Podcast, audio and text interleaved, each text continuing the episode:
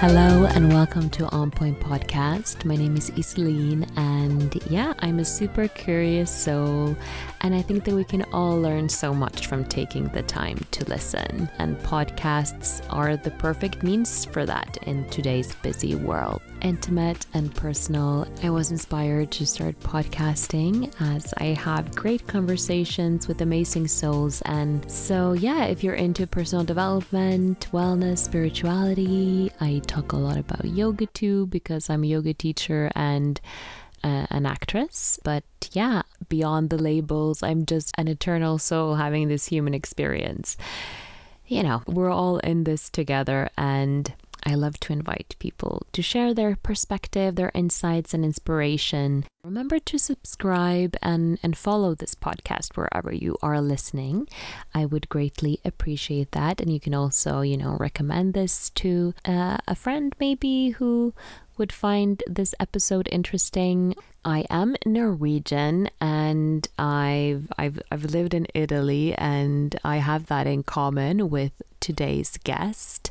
So we talk a little bit about Italy and cultural differences and and whatnot. But speaking different languages, I'm definitely not on point all the time. But according to the Urban Dictionary, on point is usually used by people who severely lack in vocabulary. And yes, that is me at times.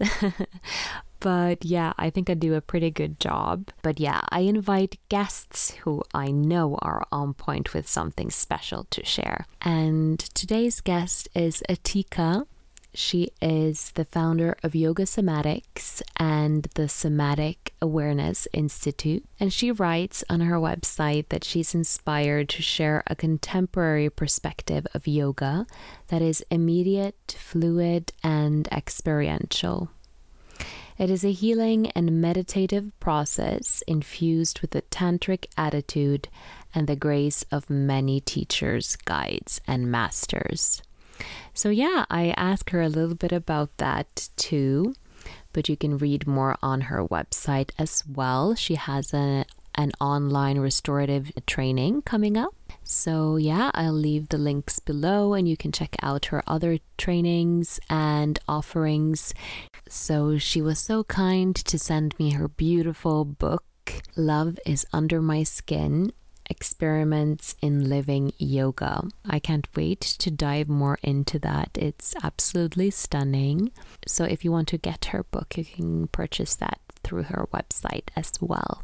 Yeah, and we also recorded this episode via Zoom. I'm in Bergen, she's in Oslo here in Norway. So, yeah, let's dive into this episode. Okay, hello, Atika. Or should I say ciao? Hi. Welcome to the Ciao. On Point podcast. Thank you. so nice to have you. I've been following you online, and I know a couple of people who've done a training with you. You are a yoga teacher and you have your own method. Maybe you want to introduce that yourself. sure, sure.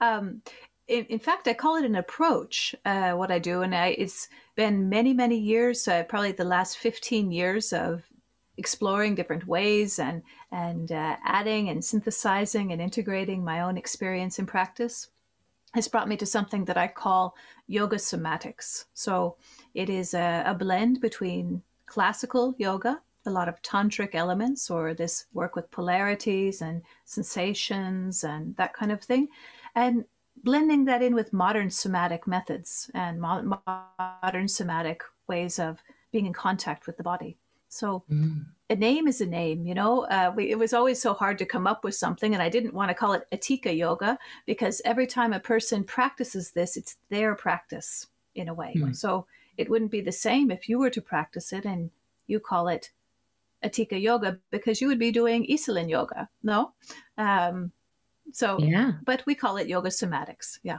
A blend between yoga asana and somatic practice. Yeah. I've read on your website that that you have had like a really long journey with yoga and tantric studies and all of that and i think that from from my perspective i see a lot of uh, there's a lot of things happening in the somatic world and within mm. research, mm. but a lot of people don't really know what somatics is. So maybe you can just explain that for people who have never heard of it. Yeah, sure. It's really interesting. Like you mentioned, a lot of people haven't heard the word somatics, or it's just starting, and maybe in the last five years to get really well known or to, to the words on the table for sure, this word of somatics. And it, somatics is a really big umbrella, uh, truly, sort of like yoga. The word yoga is a really big umbrella for many different kind of practices. Um, the word somatics was actually coined only, I think it was about 1969 by Thomas Hanna, who was an American movement um, researcher and, and practitioner. And basically, soma, or it comes from a Greek root meaning of the body. So, somatics really is the practice of uh, being aware of our own movements and also being aware, having a first, this is a good way to put it, having a first person experience of what's happening in your own body.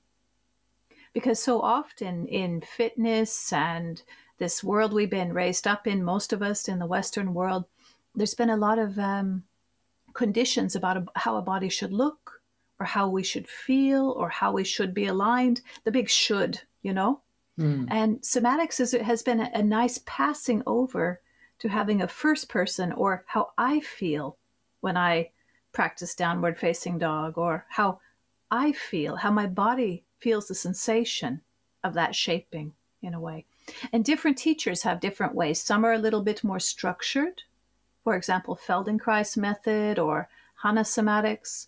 Mine is a more based in the fluid system and how the fluid moves through the body. But all of them are under this umbrella of somatics. And um, in a way, it's a taking back of our own uh, movement and a taking back of our own sensation in our own bodies. So mm. for me, it's been a nice blend. Yeah, I love that. I mean, I come from a dance background and I, I heard that. Yeah. And I can see that, you know, I've done like classical ballet, you know, the rigid, mm-hmm. but also like really contact improv and a lot of improv in general. And yeah, I just feel like the the somatic way is is my mm-hmm. way of embodying, you know, this this vessel. And um yeah, like you said, just like taking back coming back to our core instead of being so, like you said, conditioned. Hmm, hmm. You know, one of my mentors in somatic practice was a woman called Emilie Conrad. Have you heard of Emilie Conrad uh, of continuum movement? Oh, yeah. Yeah. So, one thing I think is so fascinating. Emilie came. She's she passed away now a couple of years ago. She was 79 when she she left the body, but um, she was a great influence on somatics while she was alive. And she came from a dance background. She was uh, raised up in Brooklyn, or maybe it was Queens, actually, somewhere in New York, and raised up during the time of um, really innovative dance back in the 50s and 60s. And of course, her first training had a lot to do with classical dance as well. And she would talk about when we were working with her much later in her life how classical dance was developed so that the people way up in the balcony seats could see the movements in a way. So these grand sweeping arms or these big movements with your legs and the pointed toe, and that would fit the cultural norm of the time. It would be pleasant and uh, non threatening for somebody to see. Yet, if somebody was to move little movements with their fingers that maybe look like an octopus tentacle or something like that, it's it's a little one you couldn't see it from the the balcony seats where the king and the queen would sit, right? Um, and second of all, it would be a little uh, unnerving to see these small, intimate movements. So she kind of made this big spectrum between the classical dance and then coming into these really small movements that maybe like you pick up on in contact improv or other modern methods. So it's really interesting that you have that dance background too, and you really yeah. know where it comes from. Yeah. Yeah, I find it so interesting. And, you know, a lot of uh, yoga is very like maybe there are more rigid styles we could say and um, yeah. you know focused on on the poses and and and that aspect and i've enjoyed practicing a lot of these mm. styles too but yeah my last training i my teachers they have studied a lot of somatic healing and tantric non-dual Shaiva tantra which i was so happy to be introduced to i just felt like i was finally at home yeah, within this yeah. world hmm. yeah definitely and you have an online training coming up now. We've been doing trainings for a while, but um, now with this whole online and with uh, uh, Corona time and all that, we get to, like you're doing too, to be very innovative about how we're we're working with trainings. And so the the next one coming up is a restorative yoga or somatics meets restorative yoga. Uh, I've been teaching restorative for about 25 years, and to be honest with you, I think really popular. Yeah. when I first started teaching yoga, because everybody, you know, the t-shirt, I'm just here for the Shavasana that everybody that we see for a while. I, I think that that's actually what a lot of people really come for is for yes. the rest, you know, and to give themselves permission to rest. Um, so I had a good success with restorative yoga. Um, also way back in my early days in Hawaii when I was teaching it there. Um, yet over the time that somatics has come into my life, it seems like I like to blend in also small movements, uh, transitions, being aware and mindful movement of the body, um, different ways of being soft movements in between the more neutral and static asanas. So it's a, it's one of my favorite trainings to do because it's really accessible for almost any person, any human, because we all need to rest. Mm. Yet it also has those those little space that we can also move, so it's not just a clunky from position to position. We get to start to explore a little bit how the body moves in between stillness. So in a way, yeah. little islands and oceans. So I'm, I'm looking forward to that, and um, we do a three month journey, so that there's some time to integrate every week into this practice instead of just a weekend. Um, yeah. We learn better that way, I think. Absolutely. That's so important, you know, to integrate mm-hmm. and and have time and space to do that. And mm-hmm. yeah, uh, it sounds amazing. So you're offering it online. Yeah. So I will link your website and yeah, the the training and everything below.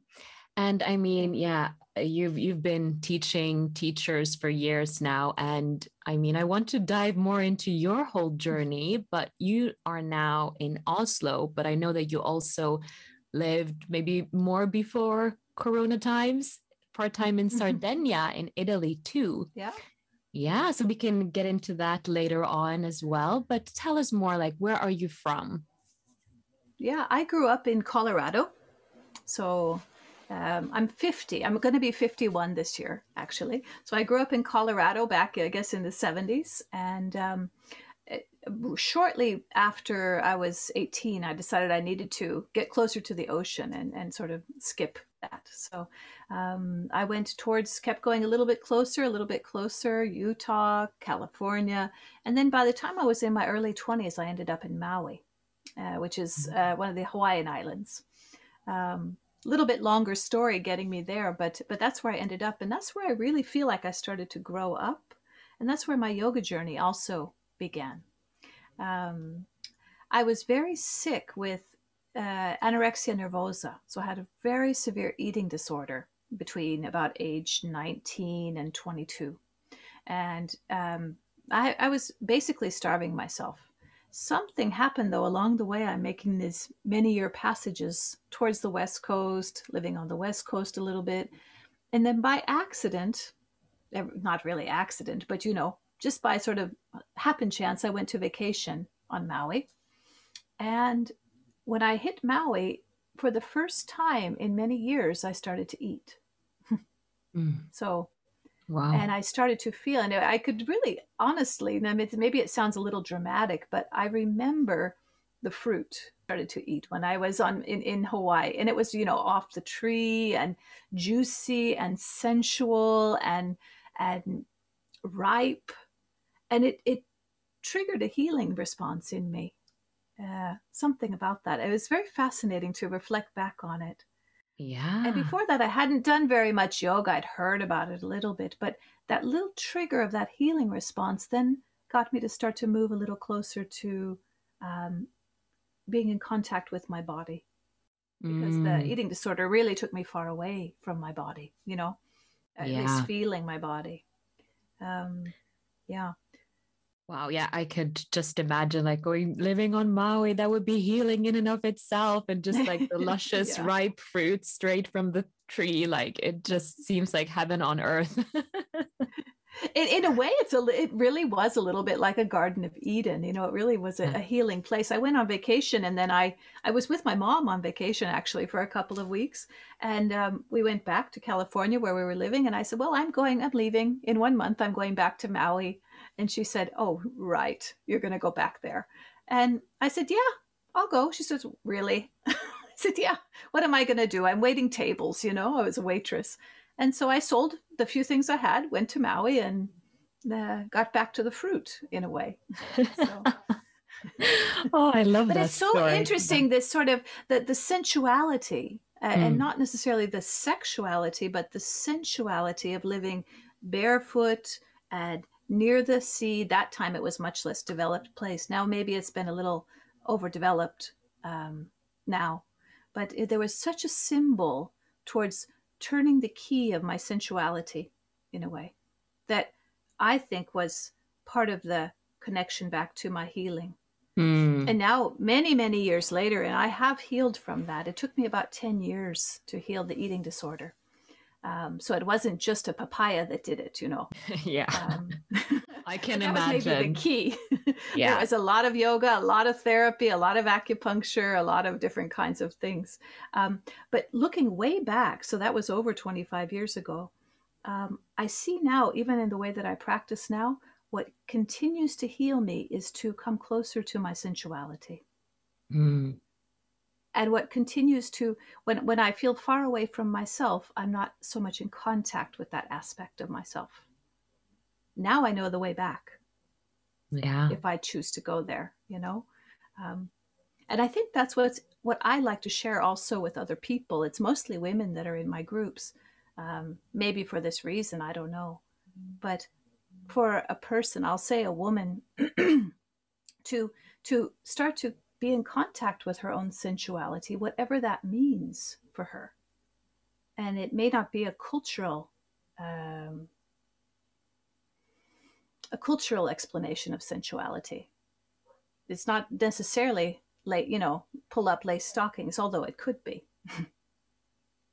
but it might yeah. be the feeling of when we are putting uh, a lotion on our skin after the shower or feeling the breath in our body when we move or rest, you know? So I think mm-hmm. it's fun to talk to you and reflect upon it. You know, it's great to talk to somebody else because then we get to reflect. The sensuality for me is the key. Mm. The keyless key. yes, I mean, yeah, for for every woman living here on on this planet, I definitely think we can all relate to, you know, um, yeah. There's a lot of issues. So yeah mm. coming back to this body and like you said walk, walking barefoot on the earth just really taking that time and you know holding ourselves and letting ourselves yeah. be held by by the earth. Yeah. Oh yeah. I was just starting to think about the book you wrote. I haven't read it but yes um, is it called Love Lives Under My Skin or? Love is under my skin. Is under yeah. my skin, yes. Yeah. You know, this book, it, um, I released it now about, mm, gosh, maybe it's about eight years now since I released the book, and I'm working on a few new ones, but they're slow coming. Um, because I don't like to push them. But this first book that I wrote, I wrote, um, it took me eight years to write because uh, I wrote just uh, slowly and I illustrated it myself and all of that. And it's a little bit of a both my a memoir of my journey towards uh, this type of a practice, the way I practice, um, and also some looking into um, yoga philosophy and different aspects and the asanas from this slightly more round or spherical or wave-like or non-linear point of view. Mm. Um, so it's it's really a little bit of a, a poem. This book, more than more than a, an instruction manual in a way, or an inspiration. Um, but as you say, it's it's interesting because we really work with that sensual aspect, the the feeling sense. And when I say sensual, it's um, I guess this is my my my hit topic today, sensuality. But um, we're really interesting to work with the senses of the body as well. And the eyesight and the hearing and the sense of touch. In a class that I just taught this morning, we were practicing listening and not listening for anything or to anything, but just in this way, a sense of open listening and it brings a lot of relaxation to be able to rest into the senses as they perceive rather before we go into evaluation which is pretty much automatic but sometimes we can drop back into that pre-evaluative state through the senses see what i mean mm, yeah but it's so important to have someone like you to to guide you there and this book can be a great inspiration. I really love the book that I wrote. And it's funny because I know a lot of people will do a creation project and they will look back and say, oh, but that's what I thought then. And this is where I am now. And it is true. There's been some new new insights for me since I wrote it, but I'm still really happy that I wrote this book and mm. that I illustrated this book. Um, it makes me happy that I could express myself yeah this way you know uh, don't you think that expression is also an important part for a person in their in their life yes absolutely and oh yes that's why we're here yes yeah. and i love this um yeah coming back to to who we are coming back to that space like of non-judgment because we judge we go slip into this these automatic ways and coming mm. back and okay you can look back and maybe regret some things you did in your life or like you said if you didn't create that maybe you wouldn't have been working on your other books right now. And yeah we mm. got to start somewhere and we can all look back and oh i could have changed this or that. But yeah just being with what is yeah, absolutely. And you know this um it's it's so I think important also to be able to put a voice on things or to now this book of course I published, I edited it down. There's probably a pile of stuff that I took out of it when I edited it too, you know. But the process mm. how we express so for me, excuse me. For me that was a process of getting to know myself through for me it worked with journaling, painting, but all that came out of um, movement, of course. I treated myself when I was working on the last maybe year of it. And I went to Bali for a month, you know, typical, um, to go to Bali.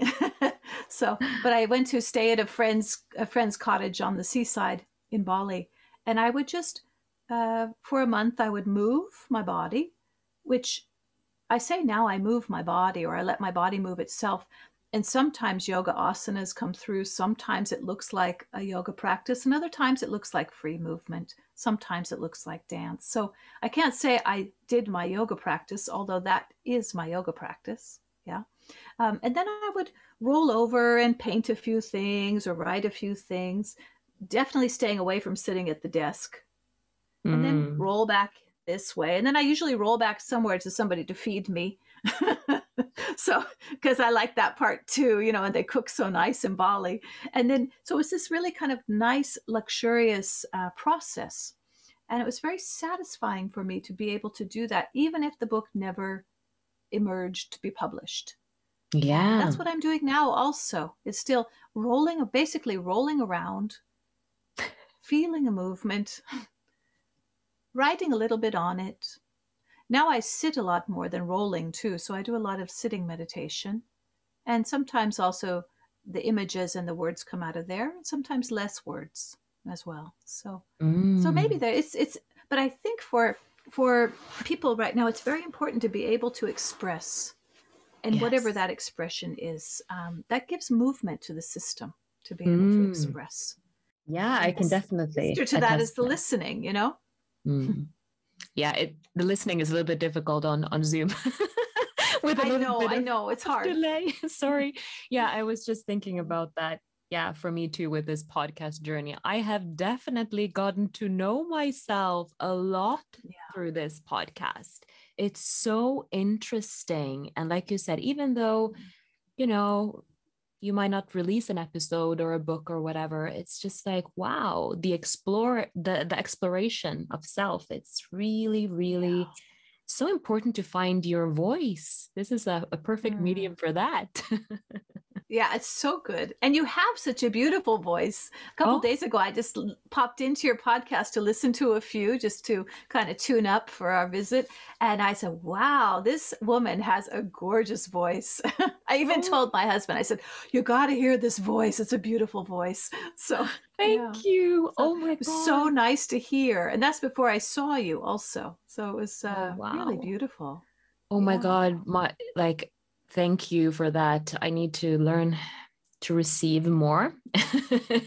but yeah, I it's so yeah, we all need to. But it's so funny that I've I've had so such oh even now I can't speak. I've had so so much difficulty like accepting my my own voice even. Uh, learning a lot of languages, you know, being criticized and perfecting. Like I've lived in, in Italy too, so we can get into that. But yeah, I, I'm now embodying that and owning that. So thank you for that beautiful, beautiful compliment. But Mm. um, coming back to um, your story, you're married to a Sure. Norwegian. Yeah, and I looked hard for a Norwegian because I really wanted a, a Norwegian husband. I saw when I started coming to these Norwegian uh, to to Norway. I I as soon as I got to know it, I said, "Hmm, that's the kind of person that I would like to be with." so, and maybe it's a generalization, but um, I like I like a lot the Norwegian people. Yeah. Yeah. Yeah, I having lived in Italy, I can definitely see that. I've uh I've met a lot of guys from all over the world and the the Norwegian guys in general are pretty pretty pretty epic. And you know, I moved. I was in Maui, like I told you, and then um, I'm one of these classic cases of the person that moves for love. So uh, I moved to Italy for love. I met an Italian man that was from Milano, and I moved and married that Milanese guy, and um, that worked out for a while, and then didn't work out after a while, and then I uh, moved, met Ula and moved to Norway. So um, love is one of my motivators too. yeah. yeah, so Oh I my know what you're going through with those Italian men, which are spicy and great and passionate, aren't they? Um, Oh yeah, they're a whole different genre, that's for sure. isn't it fascinating that within a two-hour flight we can have so different character of people, hmm? And and also good people and good-hearted people, but the persona is so different from place to place. Don't you? It's so fascinating, huh? it's so fascinating. I'm yeah, it's it's mind-blowing to me actually. But yeah, it's uh yeah, congratulations on your Norwegian guy. Thank you. and finding love. That's amazing. So, yeah, Mm. before COVID, I guess you spent a lot of time in your house in Sardinia, which is in Mm. what's what's it in in English? Sardinia. Is it I think you. I think in English they call it Sardinia. Yeah. Right. Yeah. Yeah. so we're all So on the same island- page. yeah. Yeah. Mm. An island about the about the is it the latitude of of Rome about that height at the top of the island. Yeah. And about at the bottom of the island it'd be around below Naples, kind of. Mm. So nice, temperate. Uh, I think there's a million population, a million people, and six million sheep on that island. So it's very, very rural. Yeah, and I've I've lived in Rome for many years. I have never been to Mm. Sardinia, which is a, such a shame. But for people who who um, who don't know, Sardinia is they have like a, a completely different dialect. It's almost like yeah, a, language of its own. Like I I went to um, theater um, school or an academy in Rome with a guy from Sardinia, and he was okay. just like talking to me like, you know, me and you, Iselin, we're both strangers here. yeah. we're both we're both yeah. foreigners. Sorry, hmm. but yeah, yeah. It, and I was just like stranieri, stranieri. Yeah, that that's what I was thinking yeah. about. This is the thing mm-hmm. with languages. I I mess up sometimes. Yeah. It's okay. Yeah. Oh, you so didn't mess fun. up. It just brings more in. Yeah, the the, the Sardinian have their own language, and uh, I don't understand it. I don't speak it. Um, but it's quite interesting, isn't it? The, yeah. Also, how different, how far away that island is, also from what they call the mainland um, of Italy as well. Um, yeah, I, I bought a little a little tiny olive grove uh, on the west coast of Sardinia, and with a, a, what they call a rustico, or just one room little. Uh, it's it's like a hitta in a, in Norwegian, of course, a one room mm. hitta, and um, a place to be in nature and just a few kilometers from the sea, uh, off the grid experiment. That was so fascinating to do that. So we still have this little cottage there. Um, we don't go back and forth so much now because of the COVID, but um, it's a really beautiful place to be in nature. And mm. once I this this little journey of uh, being with this Italian man and then uh, finishing that relationship, I went to my place in Sardinia to, in a way, also find myself again after that relationship.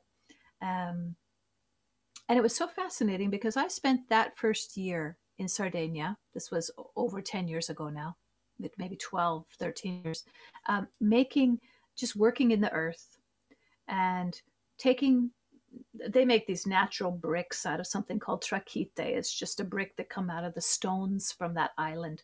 And I bought a whole bunch of these and I just kept making borders and walls with these bricks all around. I didn't really realize what I was doing while I was there, but you know, making garden beds or making borders. And then after I looked after about a year, I said, wow, this was my border making year in a way. Um, so it's so interesting to see what we really make our yoga. And sometimes mm-hmm. we can also just kind of make stuff up, but in retrospect, I could see that that was what I really needed to is to work the land, get grounded, make borders, make uh, boundaries for myself that in retrospect got overrun a little bit. Um, so, in a way, our yoga practice can come into things that don't necessarily always look like the asana or look like pranayama, but also how we're living through our life and the symbols that we're putting out there in our life. Uh, to me, they're important in a practice. Mm. That said, I don't think that they say, well, then I I can just do that and not do movement because we need to move our bodies. We need to have the time to have our introspective practices as well, you know? So interesting just to see how life moves and what we do at certain times. Don't you think? yeah it's it's very fascinating this life journey that is yeah. for sure yeah i uh, remember you saying that you went to rome kind of to balance out in a way uh, what was a more ascetic or more pulled back or monastic kind of a lifestyle or strict life. Maybe it was from your dance, a more strict lifestyle in a way. Right? Yeah. And then you and went to do the Julia Roberts thing. yeah. or Elizabeth Gilbert thing. Yeah. The, the eat, pray. Yeah, exactly. Pray, love thing. Yeah. Um, yeah, definitely growing up in the, in the darkness up, up north, it was definitely, um, uh, a show, literally mm-hmm. wearing all my dresses, prancing around the streets of Rome, enjoying the sunshine, and of course, yeah. uh, oh yes, all the all the Italian food. Oh my god, I'm obsessed. it sounds like a good balancing out, don't you think? Yeah. Yeah, I yeah. um yeah. Now I, I was planning on on going back to Italy last year and yeah, now I'm rooting down deeply into uh, my hometown, Bergen. And uh, yeah, also enjoying the luxury of having amazing um, Italian food, you know, pizzaioli, p- pizza makers from from Naples are are They're living in Bergen. Here. Yeah, yeah, yeah. That's so, great. yeah, taking these mm. little trips out when we can. Yeah. Yeah. Good for you. Yeah. Mm. But um the work like you've been also been working in, in, Italy, like sharing your work there. So I don't know if you want to share some some stories or um, I've seen that you have tantra per le donne, tantra mm. for for for women. Like you said, mostly women show up to your work. Mm, mm, yeah. The Tantra for Women course is specifically I do for women where we, we work this that particular one is going to be in Italian because one of my Italian students asked me if I would propose that online while everybody's locked down. And what better thing to practice when you're locked down but touching into yourself, I guess, if you can, you know. Um, we also have two live uh, years of that, one happening in Bergen starting in September and one happening in Oslo starting in May. Fingers crossed that we'll be able to do those with the with all the rules and all of that. Um, but it's interesting to work in Italy because, like we said before, it's very diff- the, the persona, the core of people is very often the same. The heart, uh, the empathy, the the mm, intention when they come to a course to touch into themselves. Uh, yet the persona and the cultural persona is so different from south to north in Italy to uh, Norway to Germany that I've been teaching in a lot to the US is a whole nother story. And you know from Italy how the Italians are quite passionate in a way. So it's very outward energy uh, quite often. Um, so working in Italy, I work a little different than I work here in a way. In Italy, we get to sort of um, there, there's no way Italians really love to talk a lot. Yeah. It's, this is a generalization, but it is sort of true. Italians love to. I remember my first, I lived in Firenze in Florence for some years, way, way, way back with another Italian. I had a little Italian phase. And um, I lived in Firenze and we went to a yoga, an Iyengar yoga class of a very famous Iyengar teacher. Her name is Gabriela Gubilaro, Giubilaro, something like that. I think it's Gabriela Giubilaro. And at the time, she was one of the hotshot Iyengar teachers. This is back 20 years ago, perhaps. Um, and I remember really being very excited to go to her class as a student because I was very curious to know more about Iyengar and practice with this uh, very high level teacher.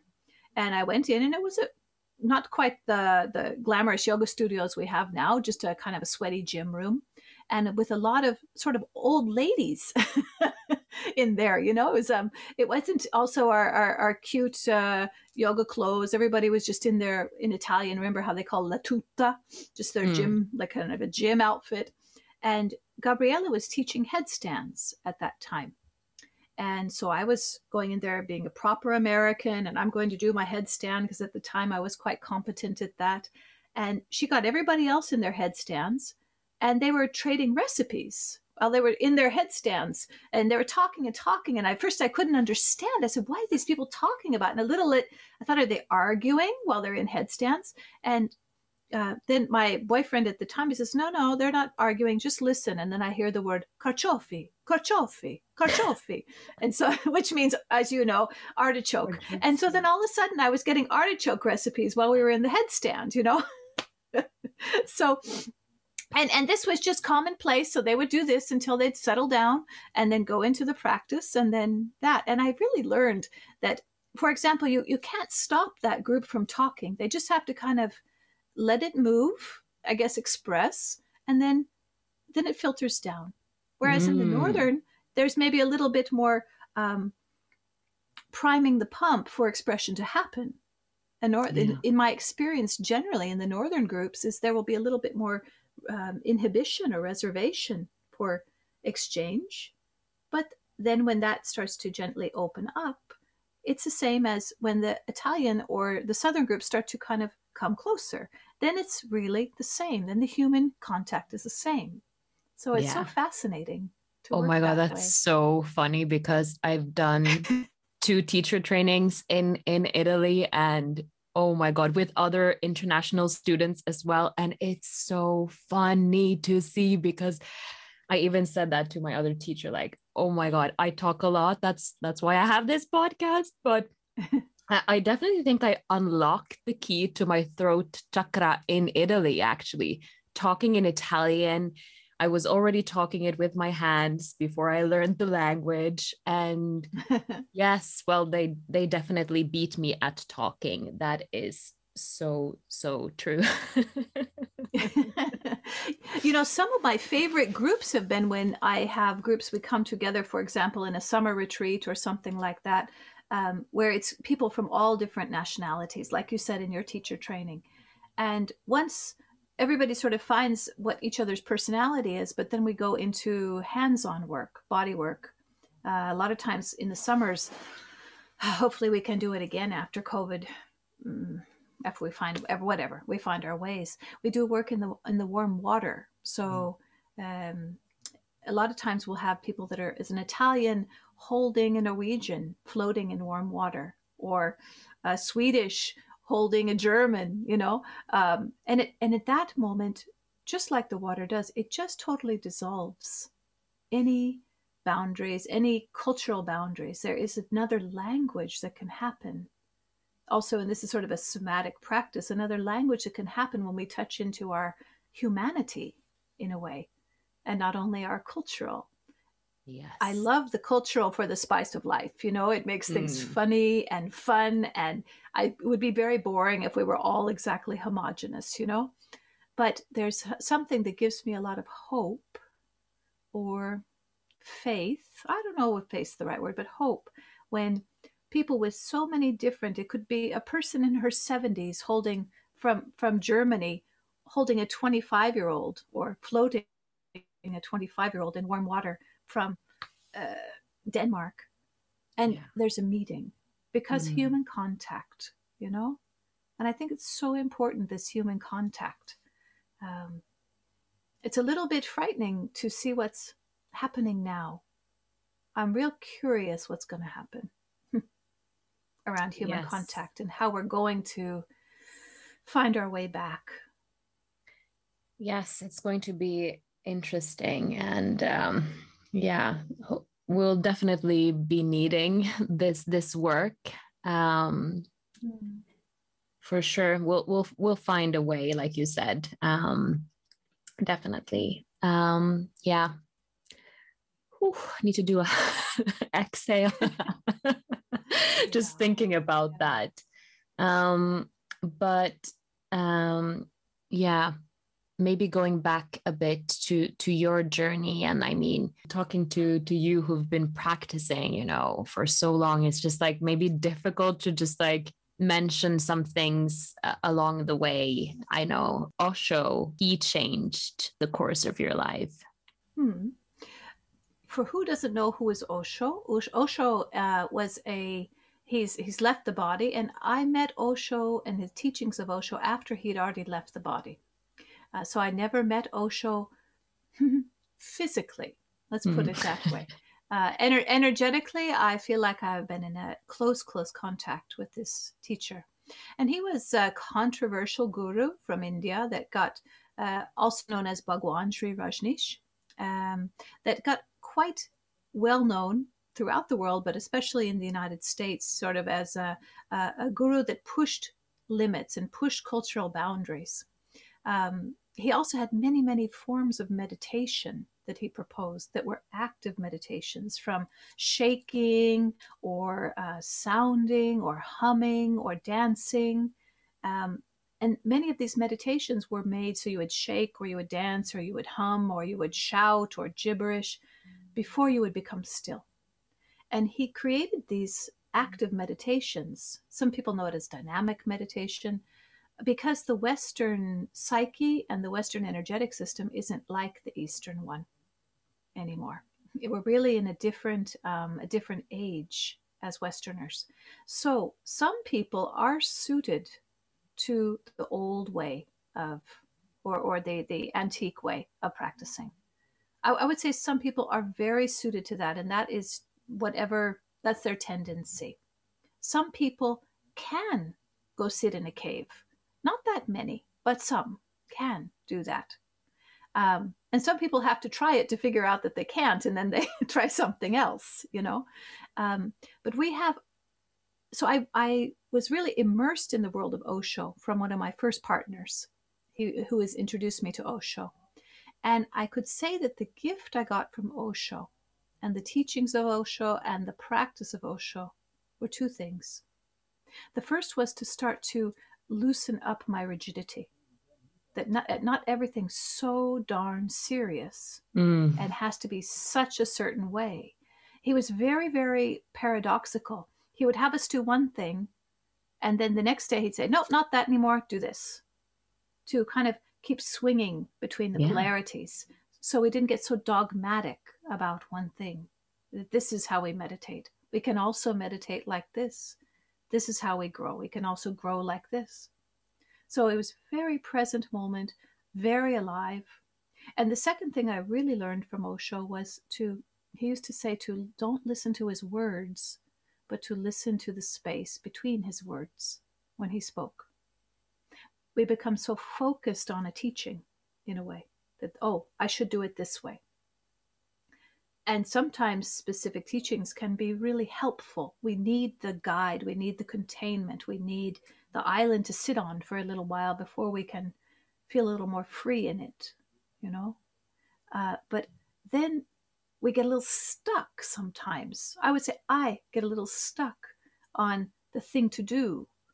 Whereas with the yoga practice, with a tantra practice, with a meditation practice, it's really not about doing. It's about when we, the doing is a technique to free us up from the doing. At least that's my experience. So I've really, that was one of the most important things I learned from Osho. Learned, unlearned. Mm. Yes. And it keeps coming back with my, my present teachers are Danish teachers. Um, and I hear the same, not that they're repeating his words, but I hear the same message over and over. Mm. And I recognize how it, easy it is to get rigid. you know? Yeah. And then I get a little reminder to loosen up, a little, loosen the effort. Patanjali Yoga Sutras also talk about this is my favorite sutra from Patanjali, which is an ancient text, as you know, uh, about yoga practice. And one of the uh, says that the means of perfecting the asana, the asana is the the physical forms. I say it also maybe for listeners that maybe don't know the words, but the physical forms of yoga that we're doing, the means of perfecting the asana is to loosen the effort. Mm. And I that's so important for me. You know, not to fall apart, not to collapse, not just a oh blah, although we can do that sometimes too. But what if if if you were practicing a form, a downward facing dog because everybody knows that, but we loosen the effort around what it has to be like and it gets soft and and shaping and back to sensual. Then i can then my senses are open to respond to what's happening in that shaping inside and out.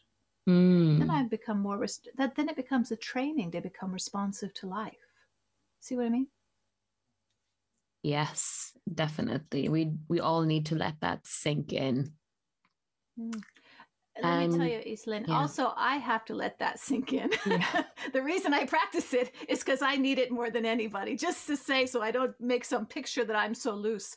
I practice because I'm not so loose. I'm I would say that I'm I'm right up there on the top 10 of control freaks on planet Earth. wow. Yeah. So I definitely uh have had these tendencies too and can can slip back into them. But um you know it's like you said it's about the unlearning. For me too when i first read a, a book by osho i was hmm. um maybe he didn't write it maybe he just spoke it and someone i, I don't know the whole history about that. Um but uh yeah i was really into philosophy and just like trying to you know I need to find my path and get on this secure train to bring me to the the destiny, you know, the thing we've been we've been, conditioned to look for. Yeah. Um, now we're, we're realizing this in these times that that's not maybe that easy, you know. It's all fluid and changing. That's the only thing that we know for sure is that it's mm. everything is changing. But um yeah, and that that book led me to a whole journey of unlearning So yeah, he was pretty influential, or his words um, really, really, really influential. And then I started uh, going into the yoga philosophy and my yogic studies. So that's really mm-hmm. interesting. And then you mentioned your your current teachers. I don't know if you want to talk more about about that. Hmm, sure. Uh, my current teacher right now is a woman named Helen Gamborg, and she's she's maybe not so well known outside of Scandinavia. Um, and she is a I, I visit a lot a, a, spiritual center in Denmark called the Vext Center. I probably don't say it right because in Danish I definitely can't do it. but it sounds uh, about right in Norwegian, so okay, good.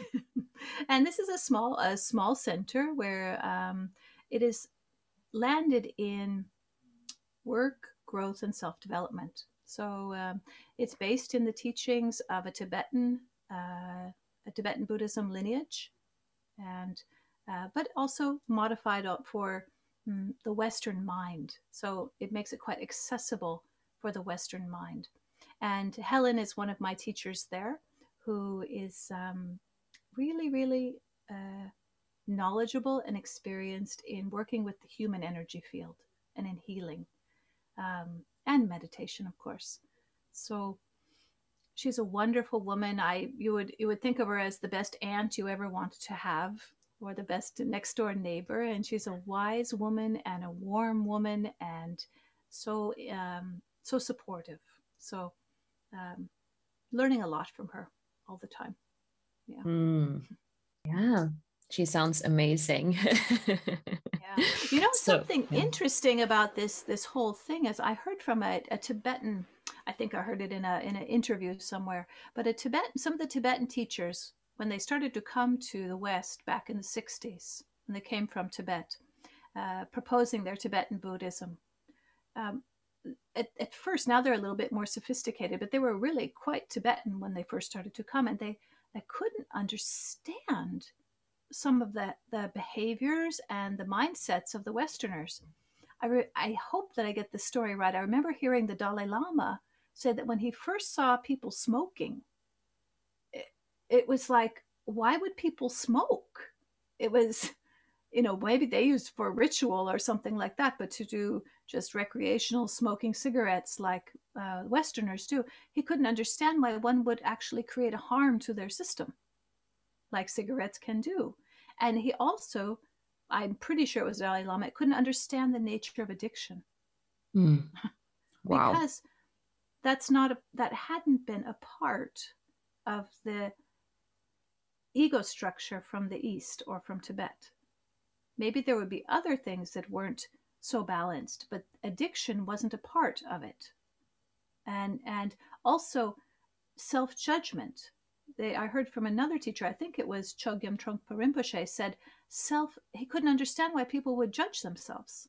It was it was like not just not just oh that's not nice for you like it went over his head what is this behavior that westerners are doing you know so it's so interesting that our ego structure and psyche structure is different than the mm-hmm. east so really it's a fertile time to kind of play between how we can bring the wisdom of the east and meet it with also our strong points from the west and see where they blend and adapt without losing also the wisdom it's really interesting to me.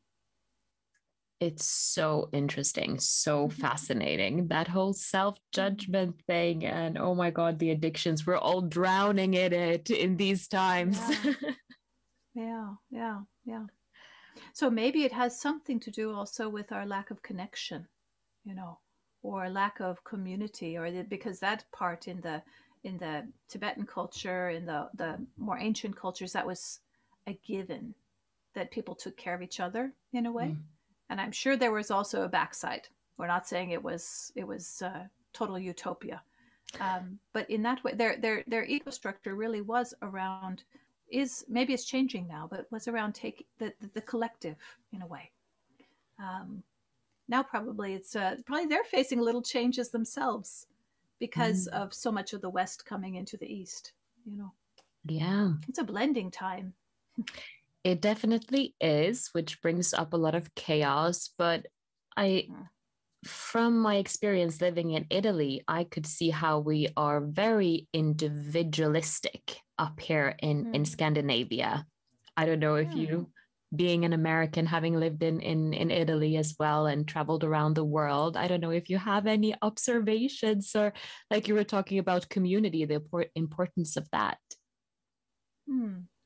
Well, I would say that America, or uh, the US, is probably the most individualistic country that exists on the planet. So, you know, um, uh, we yeah. I come from this place where, um, as you probably know, we put if if we do good in school, we get the bumper sticker that said, "My kid got A's at such and such high school." And I understand in Norway and in Scandinavia, the jantelov is kind of the flip side of that. Uh, you know, neither one is too much in balance. Um, so uh, it's interesting the balance between the individual and the community. Um, yes, yeah. Um, yeah, definitely. We're we're not we're not supposed to brag uh, that much, you know, too much about ourselves, definitely, and not make too much out of ourselves. I've definitely yeah. been trained, you know, you have to you have to tone down easily. don't be so loud. Don't be so crazy yeah i could definitely feel that when i was in italy i i was i felt sometimes when I w- were in these big groups like oh my god i'm so norwegian stay away. The I need my space, space. is different huh? It's pretty mm-hmm. interesting. Yeah yeah. But yeah mm-hmm. um the i wanted to ask you more well i'm i guess you've already mentioned some of the people who who inspires you in your work in your life uh, but I don't know if you want to mention someone or something else we haven't already talked about. Yeah, I, I would have to say that in in my work in yoga somatics, um, Emilie Conrad from Continuum Movement was that was a pivotal moment to shift from a, a linear practice and drop that and move into something that was so non-linear. Now I've come back sort of half half, and there's a balance. But with Emilie, we just let go of all form and went into what was always changing form, into the fluid. So continuum movement was a really important piece for me. And, and her teaching was a really important piece. And um, yeah, and I would say also my, then my current teacher, Helen, has been so important because she's really brought me um, to be in contact with trusting my heart and and being myself and taking my own choices you know everybody has to go our own their own way in a way. One thing i learned from her through her teacher bob moore who was a great healer um, was that there's not one energy system bioenergy uh, meaning your etheric and your astral and all the unseen parts of who we are as an energetic being. No one's energetic system is is alike. We're all unique just like our bodies. We might look a little bit like somebody else but we're so unique. There's no two energy systems the same. So, for example, in yoga, when we talk about chakras and nadis and all these streams, those streams, there are tendencies for them to move in certain ways and to be balanced. Yet, your root chakra will always have a little bit different imprint than mine. Not because it's better or worse, just because we're unique. So, when we work with movement, when we work with pranayama, when we work with healing, for me as a teacher, it's always been very important to be very sensitive to help a person sense themselves mm-hmm. rather than me tell them, you should feel this way. That's been really important for me and a gift from my teachers to help me understand that we are so unique. We can also say, well, let's try this out. What would it feel like if you would move this way? Or let your arm go this way instead of this way, just as an experiment. You know, I'm just, we don't only do arms, but just to make it up for here. Because then a person can start to reflect on themselves in a way. So it's been so important for me to to understand how different we really are. Yeah. And how different I am to everybody else. And but I have a place in the big web definitely and yeah that's so so so important because a lot of mm. people will will tend to teach that way that you should feel like this and then people feel like there's something wrong with them if they don't feel mm. calm after a pranayama exercise for instance mm. Um, Hmm. So I think that's yeah. an important message to get out there. There's nothing wrong with you. We're just different. it takes a little practice also as uh, for who because i know you probably have a lot of yoga teachers and movement teachers listening and i'm i'm not perfect at it all the time but it takes a little practice to find the way not only to articulate and say the words but to really let it be to let a person be as they are. Um, and and give a person the space to learn in their own time and to fi- help them to find the way to learn in their own way we all learn differently too you know? Yes. So it takes a little practice but it's really worth it because then as a teacher for who is a yoga teacher out there or whatever teacher then then you get something back because it's not just a one direction do this thing. Uh, like if I say, okay, everybody do it like this, and then you will feel this, and then so it's that's kind of one direction. If I give some space for for feedback, for interaction, and the feedback may not be verbal; it may simply be um, energetic. It may be what I see, what I hear. Then I also get fed. It's much less of a a, a battle, or much less of a polarity, and more of a uh, more this and that. Of course, the teacher is in the role of a guide so it's not to let go of that role completely. The person needs that as well for a while. I would hate it if my teacher just said, I don't know, do whatever you want. and I'd be like, hey, but I need some guidance here, you know? But I would also not like it anymore if the teacher said, you do it like this, or I abandon you and you, you're a bad student if you don't. You see? So there's sort of this balance and it feeds back. We get yeah. feedback. Hmm. it's definitely a, a balance of uh, yeah these tendency that we we try to unlearn you know we have to fix things all the time fix people you know you all should feel like this it's just like mm. yeah that whole goal oriented and just instead of being being in the process and yeah it's mm. so fascinating that that you what you said it's it's been so enlightening to me like we're already whole and complete you know, we just need to have the space, that healing container of figuring it out ourselves. Like we know mm. the way. Mm. but having having someone to guide you, someone to sit with you and create that space is, yeah. is, is important. Yeah.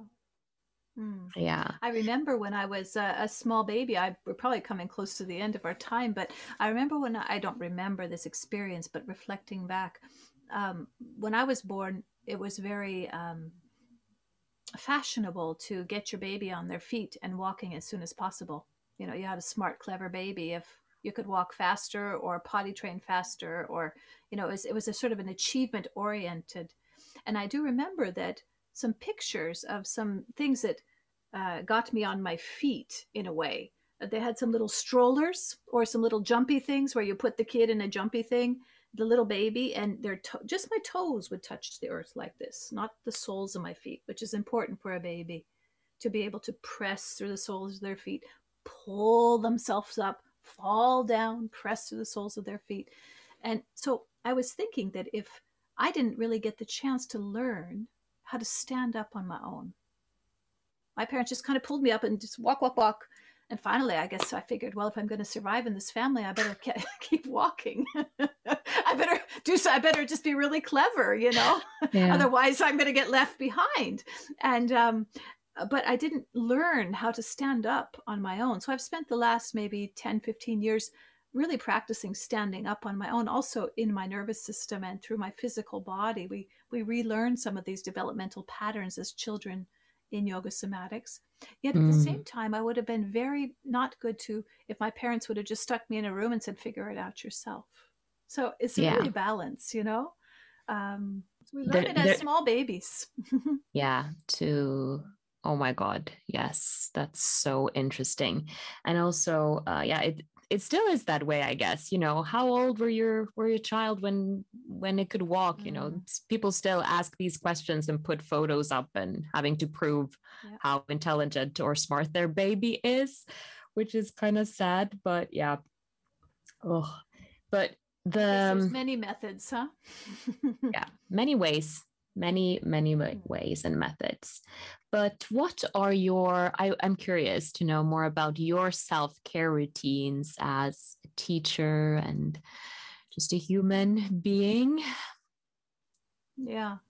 Um, I would say that sort of my physical self care routines really changed uh, with the season and with um, my age, changing of age and changing into menopause and many things like that. So those those are quite fluctuating. You know what how I what I do with my for my body.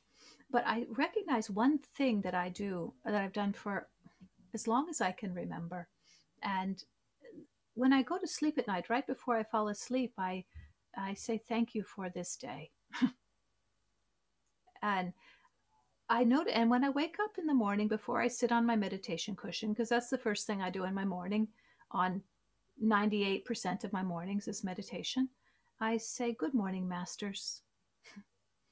and these are just my little words that I made up, but these are ways to touch into something that is for me beyond just my limited self and to recognize mm, the support of the beyond and and to me that is really that is really a self-care for me mm-hmm. um, that i think i can carry through any age any health any condition any place um, so i would say those two little bookends are my most important self-care for me then they lead me to other things practices yes oh i love yeah. that yes mm. oh mm. so important how you greet the day and how you close it off. yeah, exactly. Yeah. Oh, I, I just love hearing mm, yeah people's approach and just I, am so inspired and yeah i got so many insights uh, talking to you and uh, it's nice to talk together Yes, it is. Oh, yes, we we found we found a way. Yeah. So it's it's going to be so interesting to see how we move forward from this and uh mm. yeah, the the role in in the somatics in all of this too. I I mean mm. all of your knowledge and expertise and it's it's very much needed um in this hmm. time I think. So yeah, I'm going to remind people that the, all of your links are below to your book or your training and and everything, Atika. Mm-hmm. Thank you. So, so nice to talk to you. And it's a nice opportunity to reflect also on things that are important for me. So it's a little selfish in a funny way. So thank you for that. And good to meet you. And, and thank you for what you're doing also to create channels and communication for people to reflect and, and share and listen. It's really nice what you're doing. Oh, thank you. Thank you so voice. much. oh, thank you. So, thank you so much for tuning in to this episode. And yeah, if you'd like to follow the podcast account over on Instagram, you can find it at onpoint.podcast. So, remember to follow. And if you leave me a a nice review over on iTunes, I'll send you good vibes and you'll definitely have good karma for that. Until next time, ciao ciao!